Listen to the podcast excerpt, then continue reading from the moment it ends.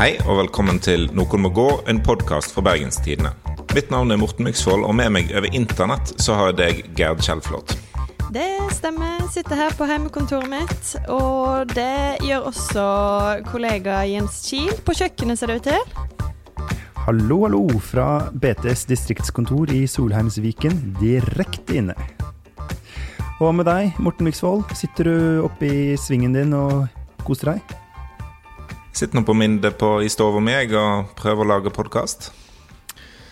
Lykke til. Som dere Ja, takk. Som dere hører, så sitter vi fortsatt i, i hjemmekontor, men vi har tatt og kasta masse penger på lydproblemene vi hadde sist, så nå skal det være ganske bra orden på sakene.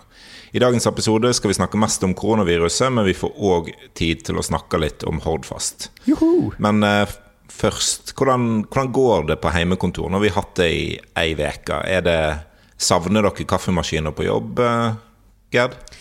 Um, nei, den, eh, den savner jeg ikke. Uh, også, jeg er litt der nå at eh, nå gjelder det bare å tenke positivt. Uh, så jeg prøver bare å finne Finne bra greier med dette. Blant annet er det jo bare at man trenger bare å kle på halve kroppen. Tenker jeg er veldig, veldig positivt.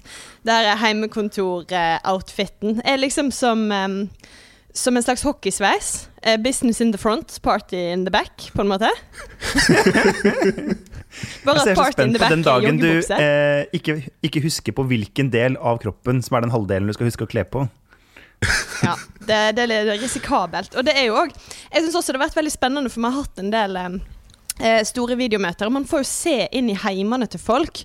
Og det er jo også noen da som som bare ikke pre eh, gjør dette her business eh, on the top-greien. Det, og da det, ja, det er ganske spennende å se hvordan folks eh, sånn, stilen hjemme er. Ja, vi kommer på en måte nærere folk når vi er langt unna. Eh, Men hvordan eh, er det hos deg, Jens? Du, det er altså så forbannede stille. Eh, det er Jeg blir jo helt sprø av dette her. Eh, og dette skal sikkert da holde på til oktober eller noe. Og jeg har allerede da sikkert den mest koronafri kjøkkenvifta i, på hele Vestlandet. Eh, den derre runden, du veit sånn bak vaskemaskina, der er det Det er så reint der. Altså, du, du kunne Du kunne ha drive operasjonssal bak der, liksom. Det er helt klinisk sterilt. Så sånn, sånn er det hos Jenseren, da. Eh, så dette her skal bli noen spennende uker og måneder. Her så er det litt, eh, egentlig litt sånn som vanlig. Altså, etter jobb så spiller jeg litt, sitter med PC-en, inne eh, mye. Så det, det, det, jeg merker ikke de store forandringene, bortsett fra at nå jeg får ikke gått på jobb om dagene. Det er egentlig den største forandringen jeg kjenner på. Så jeg, jeg savner faktisk kaffemaskiner på jobb. og eh, Free seating som egentlig ikke er free seating på, på jobb. Og det å kunne gå på kontoret og ja, bevege seg fritt. da. For det, Eh, det som jeg kanskje er merker som den største forandringa, sånn for min del, det er det at til vanlig ikke sant, Hvis du oppdager noe um, gøy som skjer, eller noe sånn artig, så kan du snu deg rundt og bare si det til en kollega, og så le litt, og så sette deg tilbake og jobbe litt. Mens nå blir det sånn enten så må du bombardere vennene dine med Snap, og det allerede kjenner jeg at jeg, har, jeg er helt i øvre sjiktet for hvor mye mer jeg kan sende. Kan ikke det stemme? Det er du. Ja. Det stemmer. Ja. Og eh, Eller bare liksom spare det til sånn Ja, i morgen kveld har jeg avtalt å skype og drikke øl med en kompis. Da kan jeg fortelle denne morsomme tingen jeg oppdaga. Og det, begge deler kjennes helt utrolig rart ut. Ja, takk Ja. for meg. Vi skal eh, inn i selve koronavirussaken. og For alle de som lurer på sånn helse- og beredskapsspørsmål, og sånn, så bør en egentlig sjekke ut eh, Koronapodden. I dag, fredag, så spør han om det er noe egentlig bra med å være redd for koronaviruset. Det er altså lesere som lurer på ting, eh, eksperter som, som svarer på de spørsmålene. Vi kan jo ingenting om liksom, epidemier og pandemier og sånt, så vi, vi holder oss egentlig mest til politikken. Derfor skal vi høre først litt på Monica Mæland. Og da må jeg være veldig, veldig tydelige. Våre hyttekommuner har ikke forutsetning eller kapasitet for å kunne håndtere hundrevis, ja kanskje tusenvis av hyttebeboere i helsetjenestene sine. Så de som er på hytta, vær så snill å reise hjem. Hvis du planlegger å reise på hytta de nærmeste dagene, ikke gjør det. Det er jo den nye sjefen i Norge. Eh, Monica Mæland har overtatt all eh, koordinering av, eh, av kriseberedskapen for, for regjeringen. Hun, hun, styrer showet. Hun har vel egentlig overtatt på en måte styringen av alle livene våre, for å være mer presis? Ja, hun har det. Men dette har jo vi som, som, har bodd i Bergen en stund, vi har bare venta på at dette skulle skje. Ja, altså dette er jo, dette er jo sånn det var i ti år, når Monica Mæland styrte sånn, sånn, omtrent. Det, var, det, det hun sa var, var, vart, lov. Mm. Bybanen gikk der hun mente han burde gå. og sånt. Så det, det, det, er jo på en måte bra at resten av Norge får, eh, får kjenne litt på, på, hvordan det er å være Bergen. Mm. Jeg tenkte litt på det, for da Harald Schjelderup, som jo var Ap sin byrådsleder før Roger Wallhammer, som sitter nå, eh, gikk av, så blei det jo snakka her borte om at han kunne være en aktuell ny partisekretær i Arbeiderpartiet. Og da tenkte jeg sånn Det er jo ikke så mange mennesker i verden som kan takle den evigvarende krisa det er å skulle være partisekretær på Youngstorget. Men hvis du har vært byrådsleder i Bergen, så er det faktisk mulig. Fordi du har det derre eh, det som skal til, da, antageligvis, for å orke det. Ja, det er en uforutsigbarhet med denne, med denne, byen som jeg tror skiller seg fra, fra en god del andre. Eh, det, det, er det absolutt. Men det har jo vært ei uke med krisepakke. Store økonomiske utlegg for, for staten. En prøver å redde økonomien. Hva, hva er det som skjer, Gerd? Eh, ja, nei, det er Økonomien vår eh, har jo stoppa helt opp. Eh, jeg vet ikke de siste tallene, men i går var det 150 000 som har, eh, meldt seg, hadde meldt seg på Nav som arbeidsledige siste uka. Eh, det er klart det er det er en ekstra krise oppå den koronakrisen vi har fra før. Ja. Og da har det jo kommet ikke bare én, men to krisepakker med ymse tiltak. Jeg tror ikke vi skal gå gjennom alle de, men ja. Men situasjonen er jo helt utrolig dramatisk. Altså, hva er det det sto i BT i dag? At åtte av ti bedrifter på Vestlandet eh, vurderer nå permitteringer. Ja. Det er, det er eh, på en måte tall som ingen har sett før, egentlig. Før, altså på denne sida av eh, verdenskrigen, da. Mm. Og, og de, den nedstengingen av økonomien er jo altså De fallene på børsen og eh, alle permitteringene som kommer nå, kommer jo egentlig som resultat av tiltakene regjeringen har satt i verk for å begrense smitte. Mm. At mange holder seg hjemme, at eh, det er ikke konserter lenger, det er ikke kino lenger. Altså, sånne ting fører jo til enorme permitteringer. Og så utvide en permitteringsreglene, gjør det lettere å permittere folk. Eh, så, og så må en komme med krisepakke etterpå. Det sier jo òg noe om hvor alvorlig en ser på denne pandemien. At en er mm. først villig til å stoppe opp økonomien, og så villig til å bruke ekstreme penger på å måtte, holde økonomien i live så godt som mulig til mm. denne krisa er over. Et par ganger i året så kommer det sånn e-post til alle oss på jobben um, om at man kan få lov til å kjøpe seg inn i det aksjeprogrammet til Skipsted. Er det noen av dere som har brukt det? Nei, men jeg kjenner noen som Litt. har. Ja, for jeg bare, i Denne uka så kom det jo en beskjed om at uh, Skipsted har uh, 25 milliarder mindre verdt enn det var for et par uker siden. Gratulerer, Morten, med den investeringa der. jeg tror jeg tapte et par hundre kroner på det, så det, det er ikke så veldig masse Jeg er mer bekymra for liksom Jobben din? Eh, hva, hva jobbsituasjonen og, og, sånt er framover, hvis, hvis, hvis, det skal fortsette sånn. da. Ja. Eh, for det er, jo, det er, jo, noe som griper inn i, i økonomien, og ingen veit hvor lenge dette skal vare. Ingen veit hvor eh, mange krisepakker som må til for at Eh, flest mulig skal ha en jobb å gå til når vi får lov å gå på jobb igjen. Mm. Men jeg har tenkt mye på det med for at, Se for dere det å være Erna Solberg i disse ukene. Og bare vite ja. at sånn OK, eh, i løpet av noen timer nå så må jeg bestemme meg for om jeg skal velge liksom strategi A, B eller C. Og det kan koste oss 100 milliarder ekstra? 200 500 000 milliarder? Jeg har ikke peiling, og ingen kan egentlig gi meg gode tall. Det er noe sånn eh, De færreste av oss andre tar jo sånne avgjørelser. Det må være noe helt sånn ekstremt med det å stå i den situasjonen og ha det som hverdag, plutselig. Og bare se eh, altså Det jeg snakka med folk rundt finanskomiteen før i uka i forbindelse med forhandlingene om den første krisepakka de ble enige om, så mange av de var jo veldig sånn den følelsen av å bare sitte og se eh, et eller annet bevegelig mål som du skal prøve å treffe på, med en helt ukjent sum. Du bare veit at det er mange titalls milliarder du bruker, da. Ja. Det er voldsomt. Mm. Det er helt vilt. Det har jo òg vært politisk eh, strid på, på Stortinget. Altså det, først var det jo, kom jo regjeringen med krisepakka som, som, Stortinget egentlig sa nei til, å, å utvide den ganske kraftig. Det har vært diskusjoner om det er bra eller dårlig med, med sånn strid. Og, og, nå i andre runde så ble Rødt og MDG de sier at de eh, ikke reelt sett var invitert til forhandlingene. Eh, hva, tenker, hva tenker du om om den debatten der, Jens? Jeg tror jo at det er bra, altså ikke med politisk strid, men det at eh, partiene tar inn det, det beste av seg sjæl i disse tidene, da. Fordi folk er jo Mitt inntrykk er at ingen partier er skikkelig gode på alt. sant? De fleste partiene tiltrekker seg jo folk som er gode på en del ting. Det er liksom eh, Folk i Arbeiderpartiet er bedre på arbeidsmiljølov og permitteringer og sånt noe enn kanskje folk i Venstre er. Fordi du melder deg ikke inn i Venstre fordi du er sjukt opptatt av det feltet. Uh, og så, så jeg tenkte også sånn F.eks. hvorfor holdt de MDG utafor de siste forhandlingene?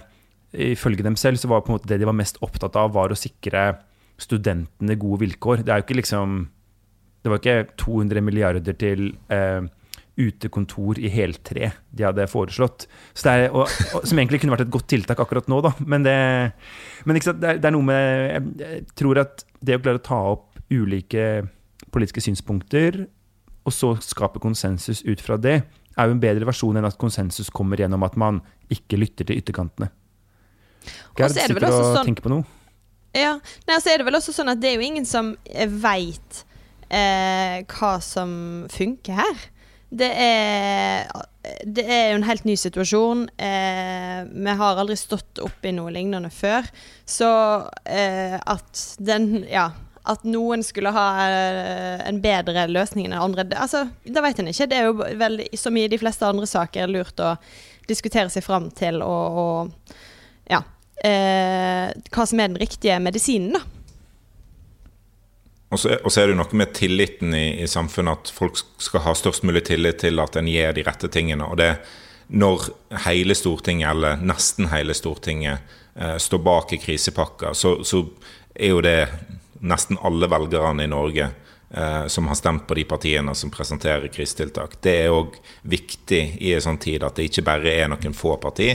Og for å komme dit at alle partiene kan stå der, eller nesten alle partiene kan stå der på, i, i, i vandrehallen og presentere tiltak, eh, så må en ha reell politisk debatt. Det kan ikke være sånn at regjeringen leverer et forslag til krisepakke, og så skal liksom Arbeiderpartiet og SV og Frp bare stille seg bak det. De må jo få inn ting de er opptatt av, sånn at eh, pakka har, har legitimitet. Det handler jo en del av krisepakkene handler jo om pengene som kommer, tiltakene som kommer. Men bare det å bygge tillit og vise at Stortinget er faktisk villig til å gjøre hva som helst for å holde hjulene i gang. Ja, tusen takk for denne utrolig harde debatten, folkens. Eh, godt å høre at vi fikk tatt all, all, hele bredden av synspunkter om eh, politisk legitimitet og konflikt. Kanskje vi har et annet felt da, vi kan eh, hive oss på her. Beredskapsloven. Eller unntaksloven, ja. kriseloven, koronaloven. Ja. Eh, hva er det for, Gerd?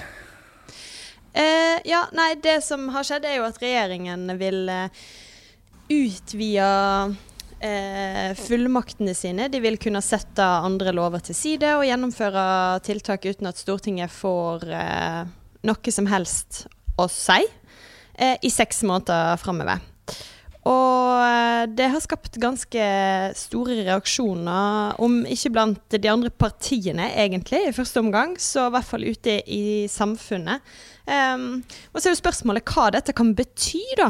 Rent sånn i praksis, har vi noen eksempler? Nei, altså En kan, en kan sette til side eksisterende lovverk. Det kan være å gjøre det lettere å beordre statsansatte til å gjøre andre oppgaver som, eh, enn det de er satt til i dag. Eh, og, og men, men, regjeringen skriver jo òg i, i, lovforslaget at en ikke veit helt hva en kan bruke dette til. Altså det er usikkert eh, hva eh, behovet er. Derfor vil de ha vide fullmakter, egentlig. Mm. Det er for at her er jo Nå går jo debatten hardt om dette, og det er jo eh, vel og bra. Men jeg syns det er fascinerende, fordi vi en, eh, hadde en leder i Bergens Tidende på torsdag kveld, altså i papiravisa fredag, som går ganske hardt mot dette, da, i praksis. Og så eh, ser jeg jo at mange sånne folk i vårt hjørne av samfunnsdebatten, sånn jusfolk og sånn, mener at dette er å gå altfor, altfor langt.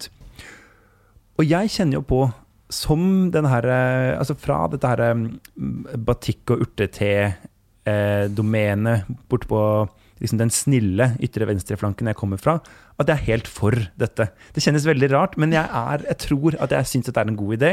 Um, uh, fordi hvis nå Stortinget skal stenge fra juni til oktober, eller noe sånt nå, så må jo noen fikse greiene. Uh, og vi er liksom ikke i en vanlig tid. Men du, Morten, som uh, har hatt dine beste år borte på jernhæl-høyresida, du er mer kritisk. Ja, jeg har jo hatt ti år i Frp, og Frp har jo vært uh, positiv til, til, denne loven. Men, men, men jeg, jeg, er veldig imot. Og, altså, jeg kan, jeg kan, se behovet for unntaksbestemmelser, men de bør alltid vedtas i, i fredstid, sånn utenfor krise. De bør ikke vedtas i liksom, panikk i, i, krisetid. Og eh, Regjeringen starta et lovforslag i fredstid. De eh, hadde en høringsrunde eh, i fjor da var Arbeiderpartiet, KrF, Senterpartiet imot. Men nå når vi står i, i krisetider, så er de for. Og det, det syns jeg, eh, det syns jeg er, er, problematisk. Og når Sylvi Listhaug starta arbeidet med denne loven, så nevnte hun at flyktningkrisen i 2015 var et sånt eksempel på når en kunne ta i bruk unntakslovene. Eh, og vi klarte jo å håndtere den flyktningkrisen uten å tilsidesette lovverket, eller at regjeringen skulle overta makt fra Stortinget. Og Stortinget trenger ikke stenge i juni. De trenger ikke ha møtefri gjennom denne sommeren. Fordi det er krisetid, så kan en forlenge sesjonen. Mm. Det er mye bedre enn at regjeringen måtte overta makt, syns jeg. Eh, fordi at en skal ta vare på uh, de demokratiske prinsippene sjøl når pandemien sprer seg. Spørsmålet her er jo da om Du Jens har jo allerede gjort det klart for offentligheten at du har latt deg sjarmere av Monica Mæland ganske kraftig, og at du rett og slett bare er blitt overbevist. Mens Morten har jo jobba ganske tett med Monica Mæland i mange år, og kanskje er klok av skade. Altså, det, det, er nok, det, er ikke, det, er nok, ikke, det at jeg jobber for Monica Mæland som, som, gjorde at jeg er imot. Eh, absolutt ikke. Du bare veit hvor gale eh, dette kan gå, sant? Hva har du egentlig har gjort nå, Morten? Jeg, jeg, jeg, jeg var politisk rådgiver for byrådet for en del år tilbake igjen. Men, men jeg, er helt Slemme byrådet eller snille byrådet? Eh, det Høyre, Frp, KrF-byrådet. Så det er ganske snille byrådet som både kutter og hever eiendomsskatten. God stemning. Eh, jeg, jeg, har tillit til at regjeringen på en måte bruker disse fullmaktslovene fornuftig, stort sett. Der jeg ikke har så stor tillit til regjeringen, er på liksom, personvern. Kommer de til å, å måtte i større grad overvåke innbyggerne for å passe på at en ikke reiser på hytta som nå har blitt forbudt, eh, eller beveger seg for mye ut i samfunnet. Altså, sånne ting er jeg veldig skeptisk til, til staten på. Eh, og Norge har liksom forsøkt å innføre datalagringsdirektiv og mer omfattende overvåking enn, en det vi har i dag. Mm. Det eneste som kan gjøre meg sånn skikkelig for en sånn kriselov, var at jeg så på Facebook i dag Jo Niklas Rønning har kommet ut med en ny eh, sang. Der han synger om eh, liksom familielivet i koronakarantene. Altså Hvis denne kriseloven kan stoppe det, så begynner jeg å, så begynner jeg å mjukast opp her. altså. Ja. ja. Men eh, Gerd, du er jo nyest på avdelinga, og i et slags eh, panikkarta forsøk på å smiske med redaktørkollegiet. Du har landa på BT-linja, du? Ja, jeg har rett og slett det. Eh, BT-linja og Mort Morten-linja, høres det ut som. Eh, men jeg er egentlig veldig enig med Morten her. Eh, eller han sier at han stoler for så vidt på denne regjeringa, jeg vet ikke, jeg. Stoler ikke på noen.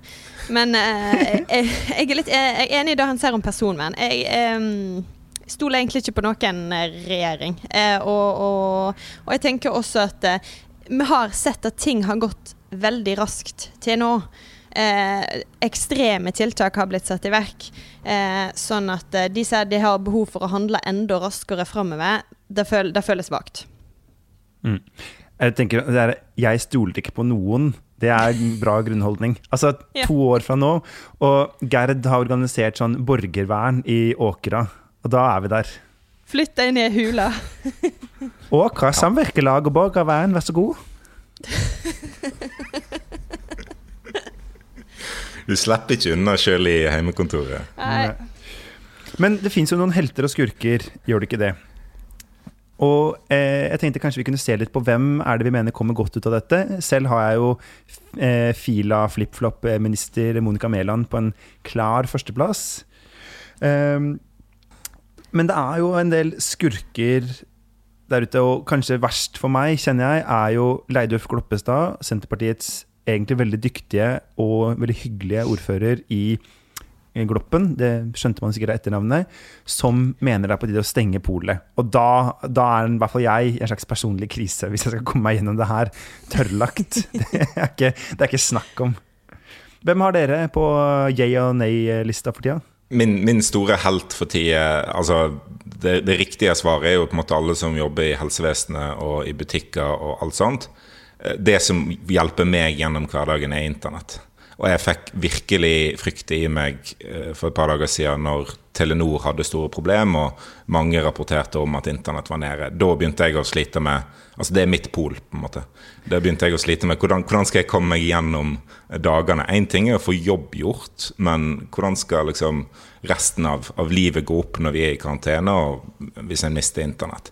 Eh, Store skurken for meg til nå må være disse hyttefolkene som i flere omganger har eh, måtte pressa på for å både stoppe dette hytteforbudet som har kommet. Nå begynner de å snakke om at en må slippe opp eh, sånn at en kan få lov å reise på påskeferie. Og hvis det ikke det skjer, så må en få tilbake betalt penger på eiendomsskatt og alt sånt. Og hold kjeft. Gode gamle hold kjeft. Det er Den stjeler vi fra stortingsrestauranten som nå er lagt- ned. ja.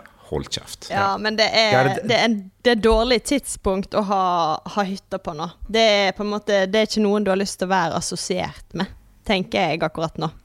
Nå må vi være glad for at vi ikke har hytte. Ja. Jeg synes, altså, det, apropos det, hvis du ikke har hytte, så kan du jo gjøre som eh, Høyres eh, mangeårige eh, finanspolitiker Svein Flåtten, som sa da han ble ferska, at 'jeg stakk ikke på hytta, jeg dro til sekundærboligen'. Det er det mest høyrete svaret jeg har hørt noensinne. Det er sånn derre Nei, jeg var, ikke, jeg var ikke på hytta, jeg var på chaletet. Topp, Toppesen. Ja, det er så bra. Nå eh, tror jeg vi kan ha litt koronafri sone, og det kan være godt å snakke om litt eh, andre tema. Og så tenkte jeg at som vestlendinger så er det ingenting som er mer beroligende og avslappende enn å snakke litt om samferdsel. Enig? Enig. Enig. Samd i vurdering. Men eh, før vi gjør det igjen eh, Ingen episode uten at vi nevner Åkra. Ingen episode uten at Morten er litt ugild. Vil du forklare, Morten? Hvem er det du har ligget med nå? Eh, E16 Nei! blir det vel kanskje, da. Um, før, jeg begynte å jobbe i Bergens Tidende, så før jeg begynte å jobbe i Bergens Tidende, så jobba jeg for et prosjekt eh, som hadde med E16 og Bergensbanen til Voss å gjøre. Eh, så, men, men det er så, blitt såpass lenge siden at det, det, det går fint nå. Så jeg, jeg kan fint snakke om dette temaet her. Men nå vet nå lytterne våre det. Er du gild? Jeg er gild, har jeg meldt meg sjøl som. Jeg kan gå god for det. Han er gild. Vi tenkte at vi skulle snakke om eh, de to rett og slett store prestisjeprosjektene her på Vestlandet. Det er ferjefri E39 Hordfast, og så er det ny E16 og jernbane mellom Bergen og Voss. Hør aller først på dette klippet her. Jeg er veldig fornøyd med at eh, Monica, jeg og resten av regjeringen har brukt mye tid på dette. Diskutert det veldig grundig. Og vi har eh, nå konkludert med at vi skal jobbe videre. Vi sender i dag et oppdragsbrev til Vegvesenet og Jernbaneverket at de skal legge til grunn K5 i sin eh, arbeid videre med å få løse dette. Jeg har sagt en Rolls-Royce-versjon. Ikke fordi han er overdådig luksuriøs, men fordi han er veldig kostbar. Dette var altså daværende samferdselsminister Ketil Solvik-Olsen, som i desember 2015 sa at eh, regjeringen vil eh, bruke enorme summer på å lage ny vei og bane til Voss. Siden den gang så har eh, lite og ingenting skjedd. Men det kommende året så kommer vi til å høre veldig masse om E16 og om Hordfast. Fordi neste år så kommer det en ny nasjonal transportplan. Og Morten, kan ikke du bare forklare hva det er? Det er en eh, plan for transport i hele nasjonen, kort forklart. Altså Der samler en alt av eh, tiltak på riksveier, flyplasser, havner, togtransport. Hvor en har tenkt å bygge ut, hva en har tenkt til å gjøre i, i, i årene framover. Eh, så det er liksom et race rundt om i hele landet om å prøve å komme seg med på eh, NTP. Eh, det er liksom det håpet du har om å få store bevilgninger fra staten. Kan jeg bare fort nevne her at sist gang eh, Morten Myksvold var vertinne for en podkast, så var det Nasjonal transportpodkast, som er nok det mest nerdete jeg har hørt om noensinne. inkludert alt jeg daglig hører om fra nevnte Myksvold. Det er korrekt. Ja. Det er et navn eh, en kom på på en pub i København. Eh, og ting du kommer på på en pub i København, er alltid bra. Samt i vurdering. For jeg tenker, vi er jo um, Denne podkasten her da, er jo egentlig delvis starta som en slags sånn uh, I opposisjon til våre venner i uh, Aftenpodden, som hver gang de må innom dette temaet, ofte fordi at Trine Eilertsen uh, krever det, da må de liksom gå den lille runden og si sånn Å, det er så kjedelig med samferdselspolitikk, og å, Nasjonal transportplan, er ikke det kjedelig? Men vi, vi elsker det jo. Dette er topp underholdning. Og så er det viktig. Det, det er viktig, det er bra, det er gøy, det er spennende. Det er alt vi trenger. Ja, ok, men vi kan gå fort gjennom, for at Gerd, eh, du kommer jo fra på en måte litt Hordfast area. Hva er det for noe? Jo, eh, Hordfast er jo eh, da eh, dette prosjektet som skal gjøre det eh, ferjefritt mellom Stord og Bergen, eller Stord og Os, da egentlig. Eh, der det i dag går ei ferje. Eh, der vil de bygge ei gigantbru. Eh, til Nå får du passe på meg, Morten, men det nærmer seg vel Det er godt over 30 milliarder, i hvert fall. Ja, det blir det vel. Den blei litt billigere her om dagen, men jeg tror den har vært oppe i 40. Jeg tror du har rett. Litt sånn som Schibsted-aksjen, tror jeg. Vært litt høy og går litt ned. Og, ja. Vi kommer til å miste jobben for å si det er å snakke ned ved aksjeverdien vår. Ja. Eh, Folkens, kjøp Schibsted-aksjer. Det er det nye, kule konsernet. Heia, heia. Det er dyr bru som går over en plass der det er ferga i dag. Og så er jo poenget her også at hvis man får til denne Rogfast, som altså går over eller under Boknafjorden, så blir det eh, rett og slett bilvei uten ferje fra Stavanger til eh, Bergen. Og det er jo da et såkalt eh, bo- og arbeidsmarkedsområde med en million folk som da blir knytta sammen. Ja. Og så eh, Nasjonal eh, transportpodkast-ansvarlig Morten Myksvold, E16. Altså det er både tog og det er bilvei. Hvor mye fortere skal det bli til Voss om det her eh, skjer? Eh, Det skal gå ca. 35-40 minutter fra Bergen til, til Voss med, med tog. Eh, Så det er jo en innkorting på om lag halvparten. Innkortingen i reisetid for, for bilveien er en del mindre, fordi at den Noen av jernbanetunnelene blir Altså det blir høyere fart på den, da. Ja. Eh, På jernbanen. Men det er ikke egentlig det som det er er hovedspørsmålet. For det er egentlig ras, altså sikkerhet, Ja. som er det viktige her. Ja, altså Bergen-Voss er en rasutsatt strekning. Det er en allerede liksom tunnel, tett tunnelbelagt strekning fordi at, eh, at geografien er utfordrende. Men det er knapt en rasfri strekning fra Trengereid til, til Voss. Eh, Og det har gått flere ras der de siste årene. Eh, Tog har blitt uh, kjørt inn i det. Det er lastebiler som har blitt uh, feid av uh, veibaner, og det har vært stenginger. Og, så det er, en, det er en veldig rasutsatt strekning, og det er det som er hovedargumentet for å, å bygge den fort. da. Ja, altså jeg kan bare skyte en her at det er jo under to uker siden sist den veien var helt stengt på en søndag. Cirka hele søndagen, fordi det hadde datt ned noen steiner. Og den er jo da, altså litt uavhengig av hvilken vei man håper skal være liksom den viktigste veien mellom Oslo og Bergen i framtida, så veit vi jo at eh, Bergen-Voss, det må vi ha. Og det vil jo også da være viktig, fordi hvis man får til den delen, pluss Ringeriksbanen, så er vi vel nede i hva da, fire og en halv time med toget mellom eh, Oslo og Bergen. Noe sånt noe? Ja, litt, litt, mer enn det, kanskje. Ja. Men, uh, men, det kommer kanskje andre, noen andre småtiltak òg i ja. Hallingdal som får det ned i den, ja. den reisetida. Og det er jo en ganske stor forskjell fra dagens nesten sju. Eller ca. sju ofte. Men så er spørsmålet eh, For et, en av faktorene her er jo rett og slett pris. Hva er det dette her som lønner seg, folkens? Myks? Den, den samfunnsøkonomiske kalkylen da, som, som, ligger til grunn, om det er samfunnsøkonomisk lønnsomt eller ikke, sier at Hordfast er, er lønnsomt. Eh, E16 Bergensbanen eh, mellom Arne og Voss er ikke lønnsom. Hva betyr det at noe er samfunnsøkonomisk lønnsomt? Svar meg på det. Det, det er en litt sånn ullen eh, påstand om at vi som samfunn tjener penger på at dette prosjektet blir bygd. Men det er jo ingen som får penger inn på konto av at noe er samfunnsøkonomisk lønnsomt. Det er ikke en inntektspost for staten. Og det, det er liksom penger som visstnok er ute i samfunnet. da.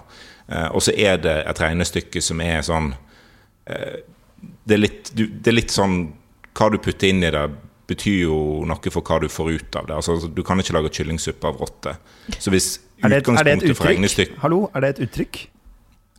Det, det, er jo, det, er jo, det Altså Hvis utgangspunktet for regnestykket er dårlig, hvis du bare putter inn dårlige ingredienser, så får du ikke et godt resultat. Og det er en del av kritikken mot samfunnsøkonomisk lønnsomhet. At eh, det er ikke Altså klima- og miljøforandringer, f.eks. Eh, påvirkninger på, på, det er ikke en del av liksom, tallfesta eh, regnestykke.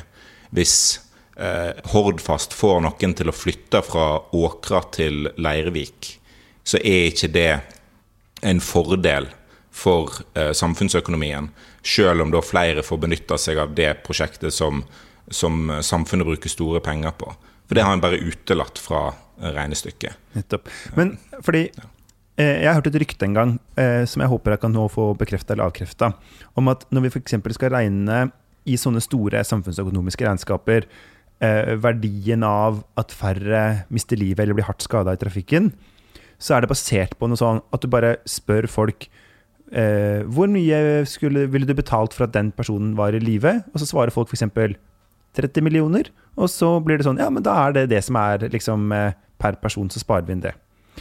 For ja. det, er et, det er jo bare et tall man setter inn sånn Ja Så hvis, du, hvis, hvis, de tallene burde vært høyere, så hadde jo verdien av å bygge E16 blitt høyere òg. Ja, hvis jeg f.eks. Ja, syns at du er verdt en milliard, Morten, da ja. begynner det å ikke bli innbilsk. Men altså, da, da, blir, da blir eh, ny E16 mer lønnsom eller mindre ulønnsom enn hvis jeg syns at du er verdt ja, sånn middels lottogevinst. Ja, det er korrekt. Jeg syns du også har vært kjempemasse, Gerd. Ja, det er fint. Takk. Jeg, jeg, lurte, jeg satt her og lurte på det. Hva er prislappen min? Men uh, um, for å gå over til det, da. Nå ligger det jo an til en, en kamp om prioritering. Eller det må vi kanskje innom. Uh, fordi at uh, Grunnen til at vi snakker om det akkurat denne gangen, er jo at nå har Statens vegvesen kommet med sin prioriteringsliste til Nasjonal transportplan. Og de har putta Hordfast eh, på listen. De syns at eh, Hordfast skal prioriteres fordi det er samfunnsøkonomisk lønnsomt. De har ikke eh, egentlig funnet plass til eh, vei og bane til Voss. Eh, og, og, det er jo det store spørsmålet, da. Må vi på Vestlandet velge mellom Hordfast, kjempedyrt prosjekt, og ny E16 og togbane til Voss? Eh, også kjempedyrt prosjekt. Eller kan vi faktisk få begge deler. Eh, hva tror du, Morten? Jeg tror nok at uh, vi på et eller annet tidspunkt må velge. Jeg skulle ønske vi kunne en måte ta inn Østlandet og få begge deler. Der en både får store veiprosjekt og store jernbaneprosjekt. Uh, det virker ikke realistisk lenger. Det er sånn som Østlandet har holdt på i i mange år. Eh, men det, det vil nok òg bli sånn at der må en kutte på de prosjektene som finnes eh, på Østlandet. Eh, så, så, det er nok realiteten. Nå, nå, kom det nettopp tall om at krisepakkene kan være, liksom, koste oss 280 milliarder. Og det er, et, det er noen Hordfaster som har røket de siste dagene pga. korona. ja. Så det er kanskje en helt annen økonomisk hverdag som venter oss når vi er, er ferdig med heimekontor og, og pandemi. Eh, som, som, gjør òg at vi må, vi må, tenke gjennom dette. Og mm. jeg, jeg, skulle helst sett at begge prosjektene ble, ble fullført, fordi at de er, de er, bra på hver sin måte. Ja, for at jeg tror jo for det første da, at vi Det handler ikke om å ta en Østlandet, for jeg tror ikke Østlandet kan ta en Østlandet heller nå. Eh, men så er det litt sånn Ok, jeg er veldig for eh, ny bane og vei til Voss. Fordi folk ikke må bli tatt av ras, og fordi jeg jo brenner veldig for Bergensbanen. Men hold fast. Kan vi ikke bare si nei takk. Altså, det er et mega, mega, megaprosjekt. Det skal eh, tas gjennom masse uberørt eh, natur. Det kommer til å gjøre Stord til en slags eh, soveby, eller en slags sånn suburbia til Bergen, istedenfor å være en egen flott øy og med et eget eh, lokalsamfunn med sykehus og høyskole og alt mulig. Og eh, trenger vi liksom megamotorvei herfra og til Stavanger?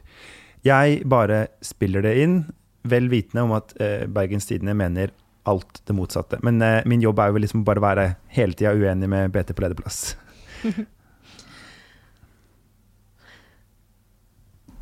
Jeg mener jo at, at, denne, at, at Hordfast bør bygges. Eh, at det har store fordeler at en bygger opp en sterk region òg på Vestlandet. At det ikke bare er Oslo-regionen som, som, blir større og sterkere, men at en òg kan, kan, få noe av den samme effekten her. Produktivitetskommisjonen eh, så på det at, at, det å bare ha en stor nummer to-region i Norge var bra for landet. Det er ikke bare bra for oss som bor her. Jeg tror ikke folk veit hva Produktivitetskommisjonen er.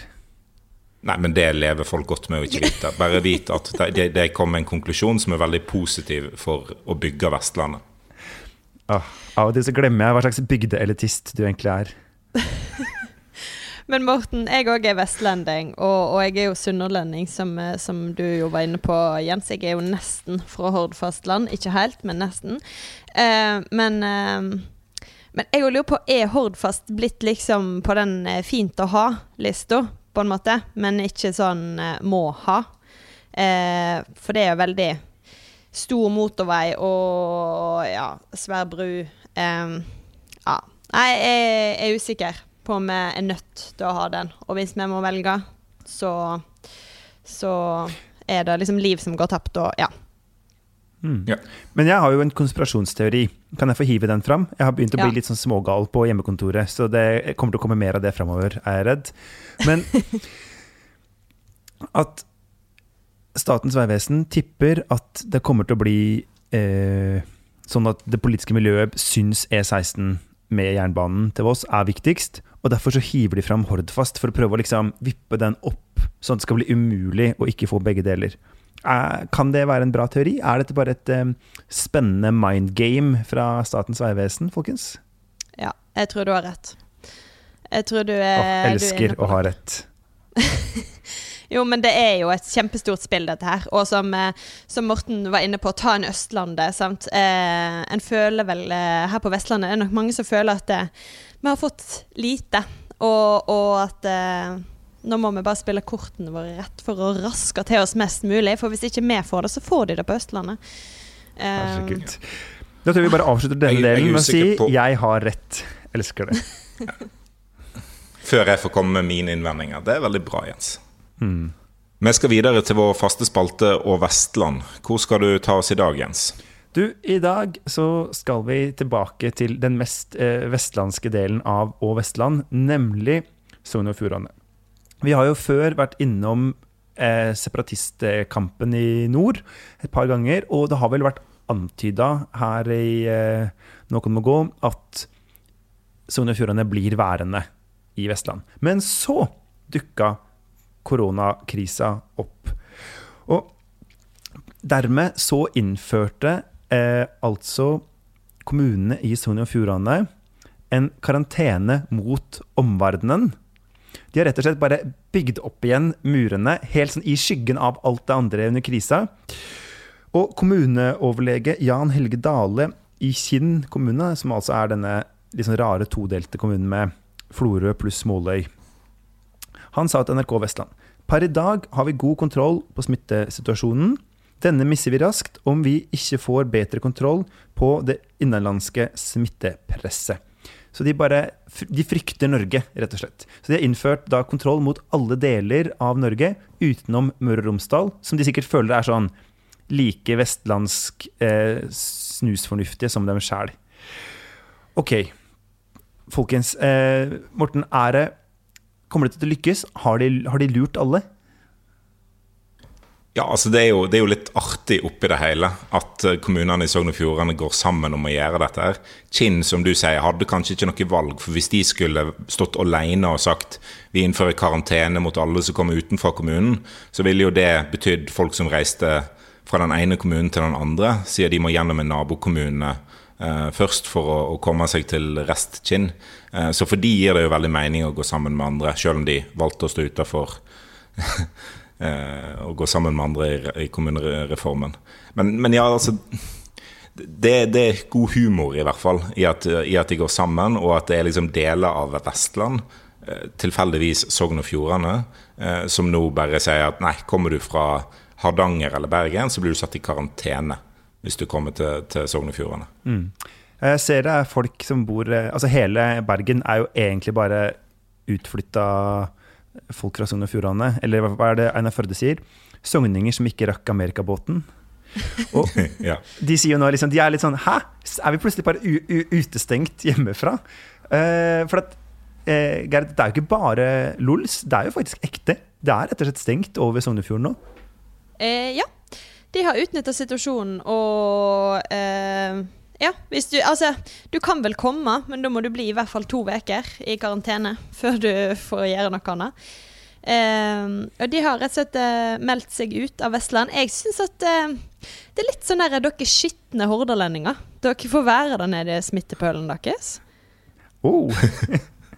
Men de er jo ikke de eneste som har ment dette her. For blant de skitne hordalendingene så er det jo sånn Blant annet Ullensvang har jo også innført dette. Altså de staute hardingene tåler ikke trynet på kvinnehæringene eller uh, kvemmingene eller hvem det skulle være. Så er det nye, nye regler der òg. Hvordan føles det? Jeg eh, tenker litt sånn at det er nå vi ser hvem vi kan stole på, og hvem vi ikke kan stole på. Eh, og det er i hvert fall ikke Ullensvang, tydeligvis, som stenger ned eh, kommunegrensen. Altså, hva er det for noe? Altså, Men hva er det i en hva er det i en pandemi som gjør at du får lyst til å reise til Odda og har behov for det? Jeg har ikke lyst til å reise til Odda. Jeg eh, har ingen behov for det. Jeg bare, jeg bare stusser, liksom. Står det fruktbønder langs grensa og kaster eplekart hvis vi kommer for nærmt? Jeg, jeg ja, det er, skal vi, skal vi liksom, er det sånn det skal bli? Skal vi barrikadere oss eh, overfor hverandre? Men vi må jo på en måte stole på at eh, Ja, det må vi egentlig det, men vi må jo stole på at folk sitter inne og, og gjør det de kan, da. Også, men når du liksom kommer med sånne her lokale nedstengingen av grenser, ja ja. Blir mye. Ja. Er, du har jo tidligere erklært at du ikke stoler på noen, men nå skal plutselig alle stole på hverandre. For nå er det du som er utestengt. Hva er dette for noe sveinerei? Nei, det har vel kanskje tilta for meg òg her på hjemmekontoret. Eh, jeg er ikke prinsipiell lenger. Beklager. Men du skal jo ikke reise rundt uansett, så det gir jo ingenting om grensene er stengt, gjør det det? Nei, det er òg litt sånn Sogn og Fjordane. Du får ikke komme hit. Jeg er OK, greit. Da blir jeg bare her, da. Ja. ja. oh, nei. For jeg blir jo motsatt. Jeg blir sånn, Idet jeg ikke får lov til å gjøre noe, så får jeg helt intenst lyst til å gjøre det. Ikke sant? Hvis mamma sier sånn Eh, du får sykle, men ikke prøve å, å steile på ett hjul. Da må du ut i gata og bare prøve det med én gang. Vel vitende om at det kommer til å være eh, blåmerker og skrubbsår herfra til evigheten.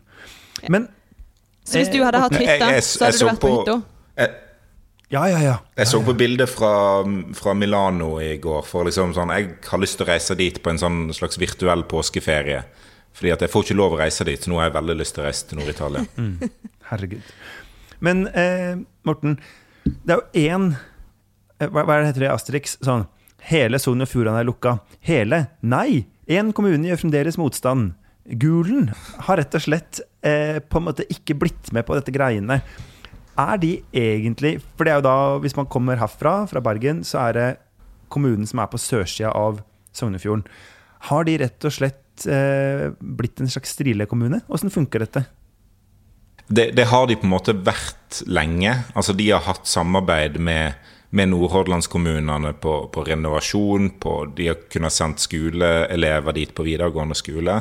Altså De har på en måte hatt tett kontakt med, med Nordhordland over, over, mange år. Eh, så, og, og, det er mange som reiser over til, til Mongstad f.eks. For, for å jobbe. Så det, det ville ikke gitt eh, mening for, for Gulen å innføre et sånt forbud. For da, da ville de på en måte De er så tett integrert i, i Hordaland. Altså Annet enn ideologisk, da? Fins det andre måter å være tett knytta til Nordhordland på enn ideologisk? Altså. Eh, jeg veit ikke. jeg føler meg ikke så veldig ideologisk tett knytta til Nordhordland, for å være helt ærlig. Nei, men det lever vi godt med. Ja. Og det er jo også sånn at både Strilen og Nordhordland, de to lokalavisene, dekker eh, Nordhordland og Gulen. Så de er på ja. en måte Hva heter de derfra? Gulinger? det er litt usikkert altså, Ja, kanskje. Ja. Det kommer jeg ikke vi må, på. Vi må finne demonymet, som det heter så fint. Altså det ordet for hva de heter når de kommer fra et sted. Det er veldig gøy hvis de heter gulinger. Jeg håper at de gjør det. Okay. Jeg mistenker at de ikke gjør det, men eh, ja. Gularar. Gularar. Gullasjikar. Gerd, eh, jeg tenkte vi skal runde av med å spørre denne, dette konseptet med sånn eh, Hver mann sin, sitt fylke eller sin kommune. Er det en god idé? Er det kommunal isolasjon som skal redde oss fra dette? Um, nei. Nå har vel jeg allerede røpt at jeg ikke syns uh, det er noen god idé. Jeg tenker at vi skal vi skal gjøre som vi får beskjed om. Vi skal ikke drive og renne ned nabokommunene våre for å reise til hytta. Men eh, da får nabokommunene beholde fatningen litt òg. Jeg føler meg nesten litt sånn spedalsk her.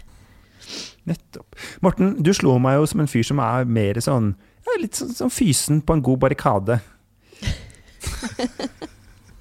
jeg, liker, jeg liker å åpne grenser, jeg. Men altså vi ser, det vi ser, er at eh, kommuner liksom stenger grenser til, eh, til nabokommunene sine.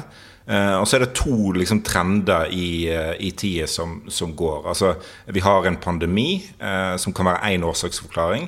Vi har Senterpartiet gjør det bra på målingene, som noen andre kan bruke som sin årsaksforklaring.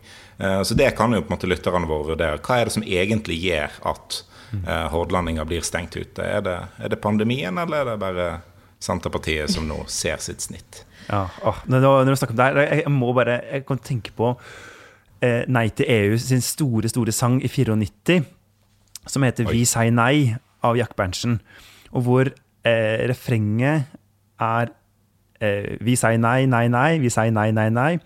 Åpne grensa, åpen port, men vi gir ikke nøklene bort. Som handler om at liksom, En slags sånn vennlighet alle rundt, men grensekontroll, da. Eh, det er liksom et annet Senterparti enn det vi ser nå. ja. Før vi avslutter i dag, er det, er det, noen som eh, må gå fra heimekontoret denne veka? Jeg må. Hvis ikke så kommer jeg til å Det kommer til å tilte 100% Jeg setter sånne nye skrittellerrekorder eh, ute hver dag, for jeg prøver å Ja.